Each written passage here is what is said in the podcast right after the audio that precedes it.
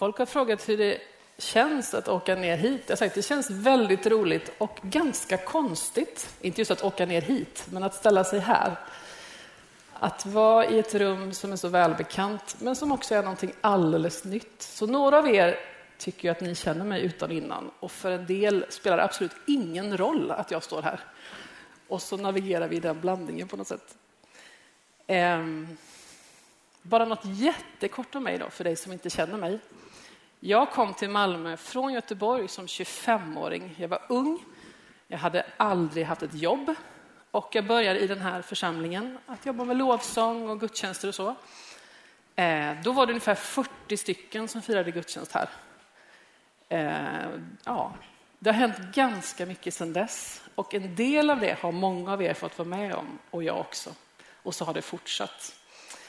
Eh, jag har en man som sitter där som jag träffade här och som har växt upp här och som väl var femte generationen Hultberg eller något här. Eh, och sen har vi också fått liksom två barn som har fått växa upp här och sen flyttade vi för snart sex år sedan till Linköping av alla ställen. Eh, när man bor i Linköping så har man det jättebra och vi är en fin församling. Men man blir också väldigt glad att komma till Malmö. Det finns kanske ingen stad som slår Malmö, tror jag. Jag gillar jättemycket att vara här. Nog om det. Det är risk att man pratar bort den här stunden nu. Jag ska inte göra det. Vi ska prata om mörkerseende. När jag liksom började tänka på att jag skulle hit och att jag skulle stå här och att det skulle handla om när vi går igenom mörka tider och svårigheter. Så på något sätt så började jag tänka på allt jag har varit med om i just detta rummet. Därför att det är ju här vi möts som församling och här ryms hela livet. I det här rummet har jag faktiskt gift mig. Så typ här någonstans har jag sagt ja. Det var ju en härlig stund. Det ryms i livet. Jag har barnvälsignat mina barn i det här rummet. Jag har varit på ännu fler bröllop. Jag har varit på begravningar och senast jag tror jag var på gudstjänst här var det min svärfars begravningsgudstjänst. Jag har varit i det här rummet och varit med om en parentation. Det är när man nämner ett dödsfall och berättar, att, berättar om den personen. Och det var vårt eget lilla, lilla barn som vi förlorade. Det fick vi gå igenom tillsammans med den här församlingen. Här har varit fester, här har varit otaliga gudstjänster. Här har varit tårar av glädje, tårar av gudsmöten, tårar av sorg och tårar av kamp, både personligt och i församlingen såklart. Vi vet alla vad mörker är. Jag vågar påstå det. Jag tror inte det finns någon här inne eller någon som följer det här på Youtube som inte vet vad mörker i livet är. Vi har alla gått igenom mörker. Eller kanske precis nu är i mörker och svårigheter. Ibland möter ju man människor som, som på något sätt känner sådär, ingen förstår hur jag har det. Mitt mörker är störst av alla mörker. Och kanske ännu oftare möter man människor som säger, äh, man ska inte klaga. Det är så många som har det värre. Och givetvis är det många som har det värre. Men om det bara är så att den som har det allra värst i hela världen får prata om sitt mörker, då blir det väldigt konstigt. Jag tänker att man kan inte mäta mörker.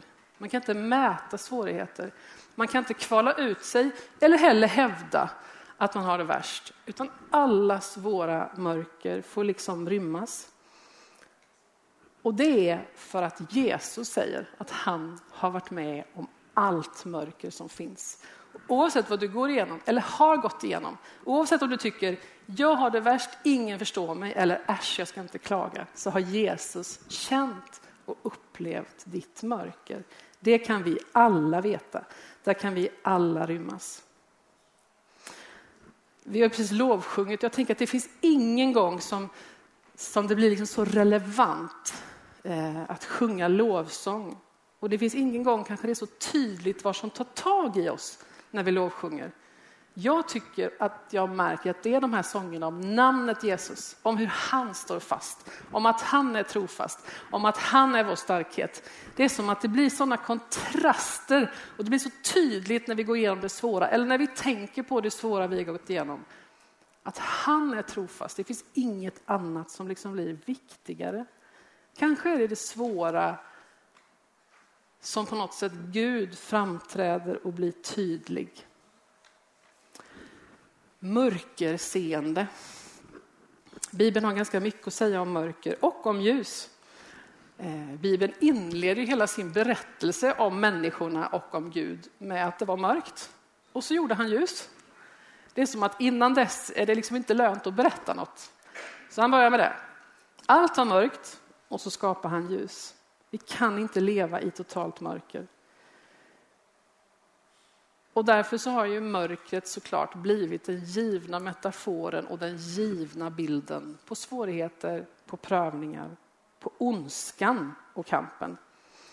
Och det står i direkt kontrast till ljuset som är livet, Gud själv, det goda. Mörkerseende. Bibeln säger faktiskt också en hel del om att se. Han säger en hel del om våra ögon. Vi har redan sjungit om det, märkte ni det? om vår blick, om vart vi ska se, om vikten av att kunna se. Vikten av att låta blicken fastna liksom på rätt ställen, på rätt sak eller kanske snarare på rätt person. Vi ska läsa några liksom, korta bibelord om att se. Och det första hämtar vi från Saltaren. Vi hörde ju Tom här säga att det var smart att läsa Saltaren. Han snodde dessutom, eller snodde gjorde han inte, han läste i förväg något vi ska läsa sen. Men nu ska vi läsa psalm 121. Jag tror den kommer på väggen.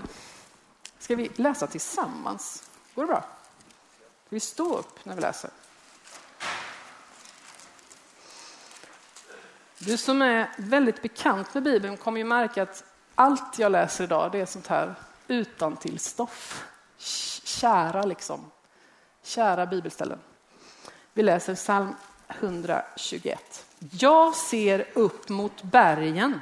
Varifrån ska jag få hjälp? Hjälpen kommer från Herren som har gjort himmel och jord. Han låter inte din fot slinta. Han vakar ständigt över dina steg. Han sover aldrig. Han vakar ständigt. Han som beskyddar Israel. Herren bevarar dig. I hans skugga får du vandra. Han går vid din sida. Solen skall inte skada dig om dagen, inte månen om natten. Herren bevarar dig från allt ont, från allt som hotar ditt liv. Herren ska bevara dig, livets alla skiften, nu och för evigt. Bra läst. Varsågod och sitt. I en äldre översättning stod det, jag lyfter mina ögon upp till bergen. Varifrån ska min hjälp komma? Jag ser mot bergen. Eller jag lyfter mina ögon, jag höjer blicken och spanar efter hjälp. När vi spanar efter hjälp, när jag spanar efter hjälp, vart är det min blick liksom fladdrar iväg då? Vart dras den? Vad är min första tanke? Vad är din första tanke om var hjälpen skulle kunna tänkas finnas någonstans? Den här psalmförfattaren ser först upp mot bergen. Ett berg i Gamla testamentet kan betyda lite olika saker. Det kan kanske det är symbolen för något starkt och orubbligt. Herren är min klippa, till exempel. Men när han ser upp mot bergen i det här fallet, då ser han förmodligen altaren, färgglada statyer och det pågår fester. Han ser templen på bergstopparna. Han ser eldar och offer, för det var på höjderna man tillbad avgudarna. Det är som att avgudarna, allt det där den omgivande världen liksom vänder sig till för att få trygghet och tillväxt och hopp. Här jämförs med den levande guden som har skapat himmel och jord. Jag ser upp mot bergen. Kan månne min hjälp komma därifrån? skriver författaren. Kan avgudarna hjälpa mig? Kan allt det där vi liksom försöker hålla fast vid hjälpa mig? när min hjälp kommer från Herren som har gjort himmel och jord och för övrigt det där berget. Det låter som att psalmförfattaren liksom resonerar med sitt eget hjärta. Visst gör vi det ofta? Att det handlar om att söka sin hjälp hos Herren, skaparen av allt. Hur lockande än avgudarna verkar. Avgudarna kommer nämligen förr eller senare att svika. Och för oss i Malmö, i Sverige, i Immanuelskyrkan handlar det förmodligen inte om liksom, faktiska fysiska tempel uppe på berget. Ja, här finns ju inget berg, för det första. Sorry. Och inte heller om några statyer. Men visst irrar vår blick ofta efter lösningar och räddningsplaner och tillfälliga ljusglimtar, förströelse som räcker för en stund. När vi vilset försöker se oss omkring i mörkret, när vi frågar oss varifrån ska min hjälp komma? Då påminner den här salmen oss om att Gud är den som han säger att han är. Han är vår hjälp. Han har gjort allt, läste vi ju. Han råder över allt. Han håller i allt. Han ser allt och alltid. Han sover aldrig. Han vill liksom fånga vår blick så att vi ser. Och när den börjar flacka omkring efter hjälp, efter att liksom febrilt hitta något att hålla sig till, då får vi se på honom. Han vill möta vår blick. Han är den som hjälpen kommer ifrån. Ett bibelord till om att se, som man också kan utan till om man har läst Bibeln mycket. Hebreerbrevet 12, vers 2-3. Där står det så här, vi kan läsa tillsammans igen, men ni kan få sitta ner. Är ni med? Låt oss ha blicken fäst vid Jesus, trons upphovsman och fullkomnare. För att vinna den glädje som väntade honom uthärdade han korset utan att bry sig om skammen och sitter nu till höger om Guds tron. Tänk på honom som har uthärdat sådan fiendskap från syndare så att ni inte tröttnar och förlorar modet. För att inte tröttna eller förlora modet. Visst har man varit på väg att göra det några gånger under pandemin? Va? Ha blicken fäst på Jesus. Och bibelordet påminner om varför. För att inte tröttna. Det handlar igen om vart vi ser, vart vi vänder blicken. Och rådet är att liksom göra vad vi kan för att den ska fastna på Jesus själv. I honom hålls nämligen allt ihop. Från honom utgår allt. Hela tron finns liksom i honom. Och i Efesierbrevet 1 då, ett tredje bibelord om att se. Där står det så här i vers 18 och halva vers 19. Det är Paulus som har skrivit det här och det här är en bön som han ber. Han ber så här. Må han, alltså Jesus, ge ert inre öga ljus så att ni kan se vilket hopp han har kallat oss till. Vilket rikt och härligt arv han ger oss bland de heliga hur väldig hans styrka är för den som tror. Paulus ber och liksom avslöjar sig lite, att han tänker att Jesus kan hjälpa oss med den där blicken, med seendet. Du får både uppmaningen, fäst din blick, gör vad du kan. Men vi ser också att Paulus ber, jag ber att de ska få ljus, att det ska gå att se. Jesus hjälp dem med synen. Det är sån risk att de i mörkret famlar och att det blir liksom suddigt. De ser inte vem Jesus är och vad han har gjort. Hjälp dem! Lys upp så att de ser dig, att de ser hoppet och styrkan i dig. Vi behöver se att liksom blicken fastnar på rätt saker, eller snarare på rätt person. Vi behöver ha blicken fäst på Jesus. Och vi får be Jesus om hjälp med det i mörkret. Om vi då ser på Jesus i mörkret vad är det vi får syn på? Vem är det vi får syn på? Alltså redan löftena om att Jesus ska komma innehåller löfte om ljus. Profeten Jesaja skriver de där berömda orden som vi oftast läser vid jul. Natten ska vika där ångest nu råder. Det folk som vandrar i mörkret ska se ett stort ljus. kan man läsa i Jesaja 9.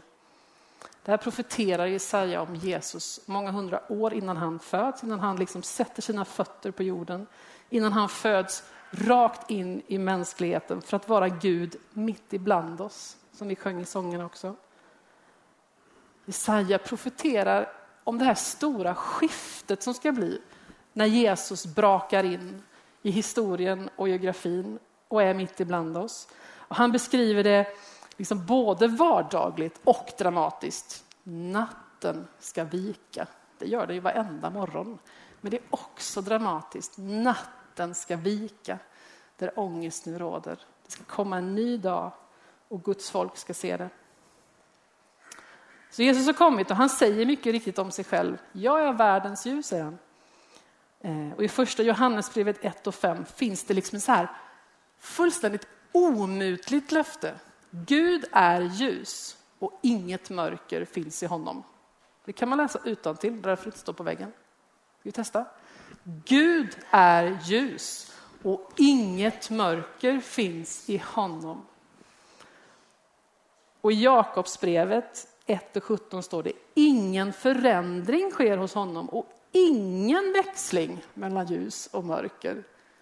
Det är så här liksom matematiskt. Det, är inte liksom, det finns inga gråzoner. Det slås fast att det tveklöst bara och alltid är ljus. Gud kan inte vara ganska mycket ljus eller oftast ljus. Inget mörker finns i honom. Och det kan inte liksom växla fram och tillbaka och vara lite skymning och någon solförmörkelse lite hit och dit. Han är bara och alltid ljus. Okej, okay. gick det fort? Det var några bibelställen och så som inte kom upp på väggen. Jag säger det igen. Jesus är världens ljus. I det ljuset finns inget mörker. Noll mörker. Det är bara ljus hos honom. Det betyder 100 procent alltid ljus. Och han kan inte ändras. Det växlar ingenting. Hela tiden är han bara ljus. Okej? Okay? Det var inte så snurrigt va? Vad är det mer vi ser när vi ser på Jesus? Och han är ljus, men han är också nära. Det har vi också sjungit om. Det är så här oftast när jag predikar. Jag tycker lovsångsteamet oftast skött liksom hela det som behöver sägas. Det ska ni tänka på lite.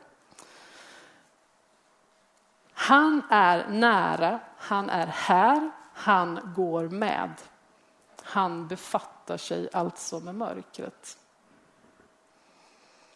Nu ska vi gå till Saltaren igen, då, det som Tom läste för oss innan. Exakt den versen. Det är psalm 23 och där läser vi i vers 4. Det kan vi också läsa tillsammans. Vi läser. Inte ens i den mörkaste dal fruktar jag något ont, ty du är med mig. Din käpp och stav gör mig trygg. Och I en äldre översättning stod det i dödsskuggans dal. Det går inte att tänka sig någon mörkare plats än dödsskuggans dal. Jag ser liksom Mordor framför mig. Och Mordor med extremt så här branta, trånga klippväggar som reser sig så högt så att solen har ingen chans att nå ner till den där stigen som går genom dalen. Och dessutom, där nere, där det är så dåligt dagsljus, går man i skuggan av döden. Det är det några som gör precis nu. inte jättelångt bort från vårt land. Men vi kan också ha det så i vårt mörkaste mörker. Det finns ingen mörkare plats, det är den mörkaste dalen. Jag sa ju bara liksom, i förbifarten, vi förlorade ett barn, det vet ni som fanns med oss då, som vandrade med oss då. Det var mitt och Thomas första barn, som dog för tidigt helt enkelt. Vi hann aldrig lära känna honom. Och när vi liksom var inlagda och låg och liksom hade fått det där beskedet, det här kommer vi inte kunna rädda. Så var vi i något sjukrum och de sprang och pyntade för det var första advent. Och det var så konstig liksom, kontrast. Och då satt Thomas och läste i mitt öra den här salmen. Det var verkligen dödsskuggans dal. Vi var i skuggan av döden, bokstavligt talat. Och den här salmen var sann och den bar. Och i det mörkaste mörkret så var Gud där, därför att det är det han säger. Om vi vet vem Gud är så vet vi att han har lovat att vara med oss. Hans stöd får göra oss trygga. Och då kan vi kanske, även om det verkar omöjligt, leta oss fram genom den där dalen i skuggan av döden för att han tar oss vid handen och leder oss framåt tills dalen är slut. Det står inte om jag vandrar i dödsskuggans dal så tänder du en lampa. Det står inte det. Det kommer inga ficklampor liksom. Men han går med. När vi fäster vår blick på Jesus så fäster vi blicken på världens ljus och på den som går med i den mörkaste dal där man faktiskt inte ser vägen framför fötterna. När Gud presenterar sig i Gamla testamentet så säger han till exempel så här. Jag är Abrahams, Isaks och Jakobs Gud. Han säger liksom till sin mottagare, den som lyssnar, vet du det finns liksom erfarenheter och historia. Du kan vända dig om och titta. Alltså Abraham, Isak och Jakob, det var ju liksom de gamla släktingarna. Jag var med dem. Det finns en historia, det finns en räcka av erfarenheter att jag har varit med. Jag är deras Gud, jag är också din Gud. Vänd dig om och se genom historien vad jag har gjort. Och han säger också, jag är Herren er Gud som har fört er ut ur Egypten där det här folket hade varit fångna och nu inte var. Alltså, vänd dig om och kika lite. Det finns berättelser bakåt. Lyssna på de som är äldre, de som varit med om mer svårigheter. Eh, det finns inte så många som lever nu som har varit med om en pandemi en gång innan. Där är vi alla lite så här väglösa. Men jag tänker att det har varit värst för er unga på det sättet att det finns inte så mycket att titta bakåt mot som man liksom redan har gått igenom. Lyssna på de äldre, lyssna på historien, titta bakåt, se den långa berättelsen om Guds godhet, om Guds trofasthet och om att han har varit med. Och I Nya testamentet så presenterar sig Jesus, Gud genom Jesus. Han kommer ju hit som vi sa precis och ställer sig här. Och när vi strax ska fira nattvard här så är ett av de stora temana i nattvarden, titta bakåt. För vi säger ju så här, när vi gör det här, firar nattvard, förkunnar vi Herrens död. Alltså vi säger högt tillsammans att vi kommer ihåg vad han har gjort genom sin död och uppståndelse.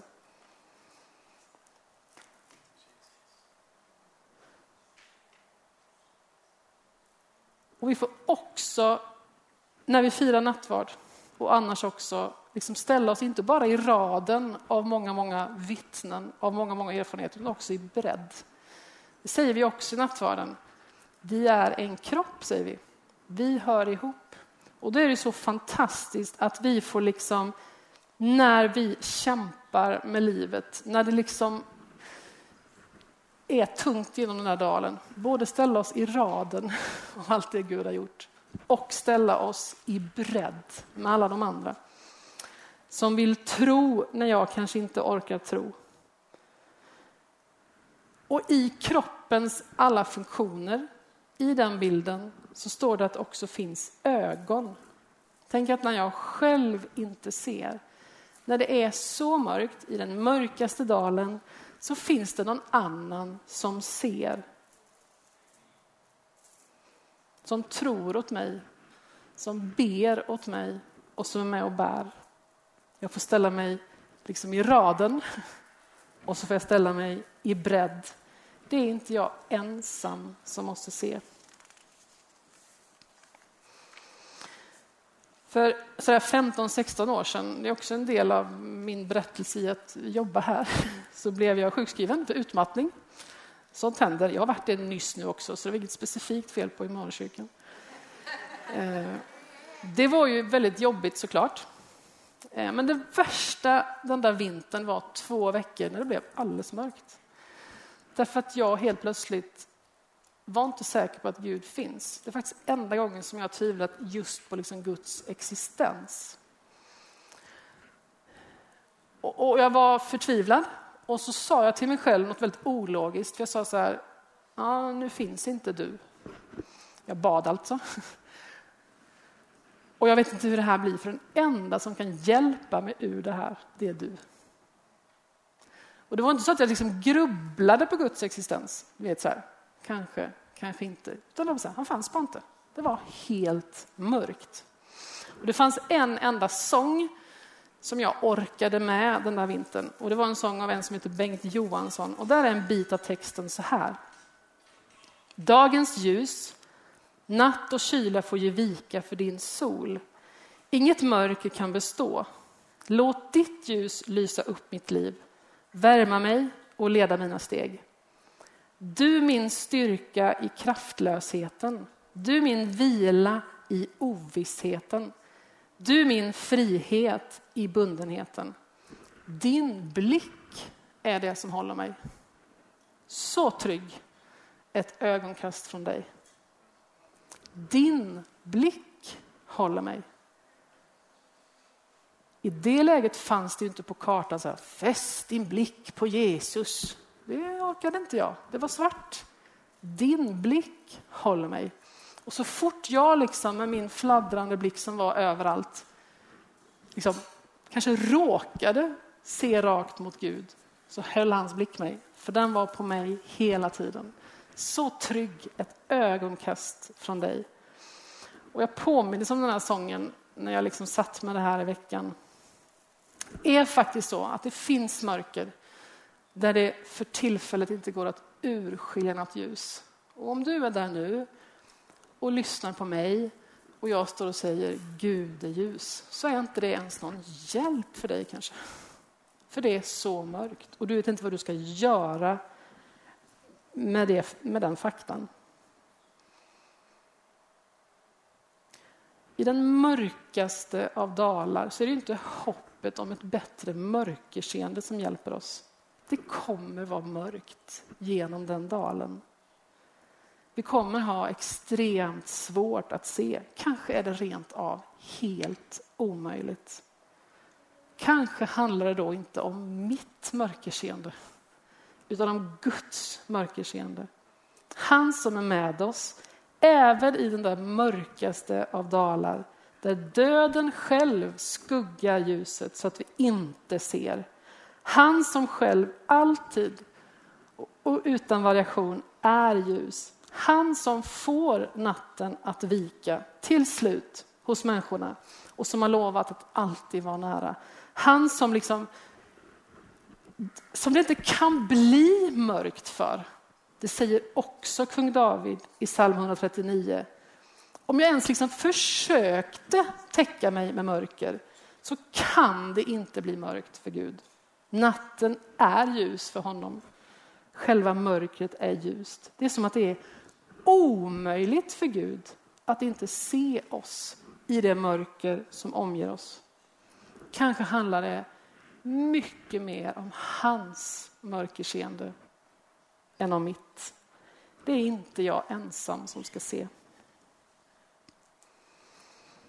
Kanske hjälper det oss om vi kan hålla isär liksom arbetsbeskrivningarna för mig och för Gud. när det är mörkt, vad är det jag ska göra? Ja, vi kan få hjälp att se. Vi kan få ljus för våra inre ögon. Vi uppmanas att fästa blicken på Jesus. Låt oss göra det så långt vi bara kan. Men Gud, han ser alltid perfekt. Han hjälper oss att se. Han ger vårt inre öga ljus. Ja, och vi och vår sida kan fundera på vad sätter jag min tillit till? Vart ser jag efter hjälpen? Var har jag min trygghet och förtröstan? Det kan jag göra. Gud å sin sida, han går med.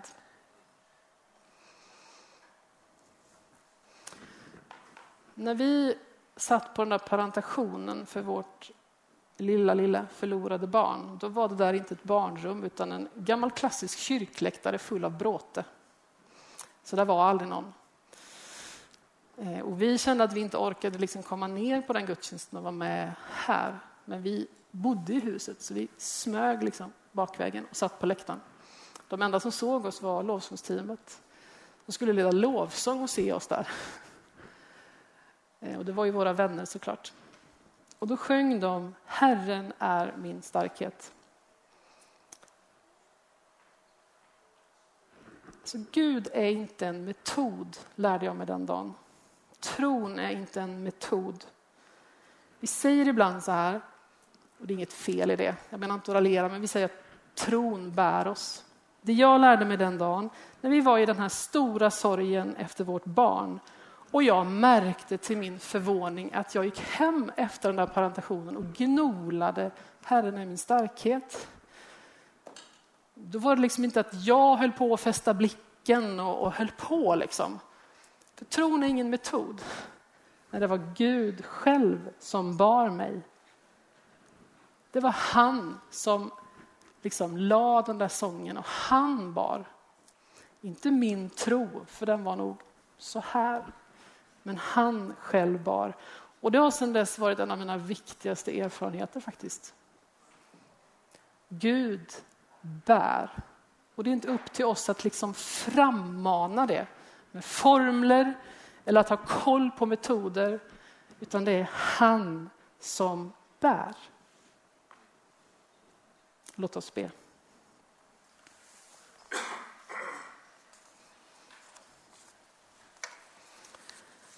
Jesus, du känner var och en som är här. Du känner var och en som lyssnar just nu på Youtube eller som gör det senare. Tack att du rör dig över tid och rum som vi inte kan förstå. Herre, du är ingen metod. Det handlar inte om att knäcka rätt formler i mörkret, så trollar du fram ljus och andra förutsättningar. Herre, du har lovat att du är ljus och du har kommit med det hoppet till hela vår jord, till hela den här mänskligheten. Tack att vi också får stå i det uppdraget. Du säger inte bara att du är världens ljus, du säger också att vi är världens ljus. I den här mörka orostiden så får vi liksom själva bära på det. Bära på dig själv, bära på ditt rike. Var det ljuset i liksom varje mörk vrå. Men här är det inte vi som ska göra det, utan du kommer att göra det. Du bär, Herre. Herre, jag vill särskilt be för den som är rädd som är i mörker. Herre, vi blir rädda i mörker. Vi tänker inte klart i mörker. Vi, vi tappar balansen och vi stöter emot grejer. Och de där timmarna på natten när det är som mörkast så tänker vi inte klart. Och herre, vi blir rädda. Ibland blir vi rädda för sånt vi inte skulle bli rädda för i fullt dagsljus. Jag ber för den som är rädd. Jag ber att du skulle lysa upp eh, tankar, eh, känslor. Och att liksom det skulle bli ögonkontakt mellan dig och den personen, Herre. Låt era blickar få mötas. Du har aldrig flackat med din blick, Herre. Du har aldrig lämnat. Jag ber om ögonkontakt här mitt i vår gudstjänst, Jesus. Herre, hjälp oss att växa i att lita på dig, förtrösta på dig. att se din godhet, att förstå att du förändrar dig aldrig. Det är aldrig skymning hos dig, Herre. Det är alltid ljus. Och du väjer inte för vårt mörker. Du har själv, när du dog på korset, klivit ner i mörker som vi inte ens kan komma i närheten av. Du vet vad mörker är.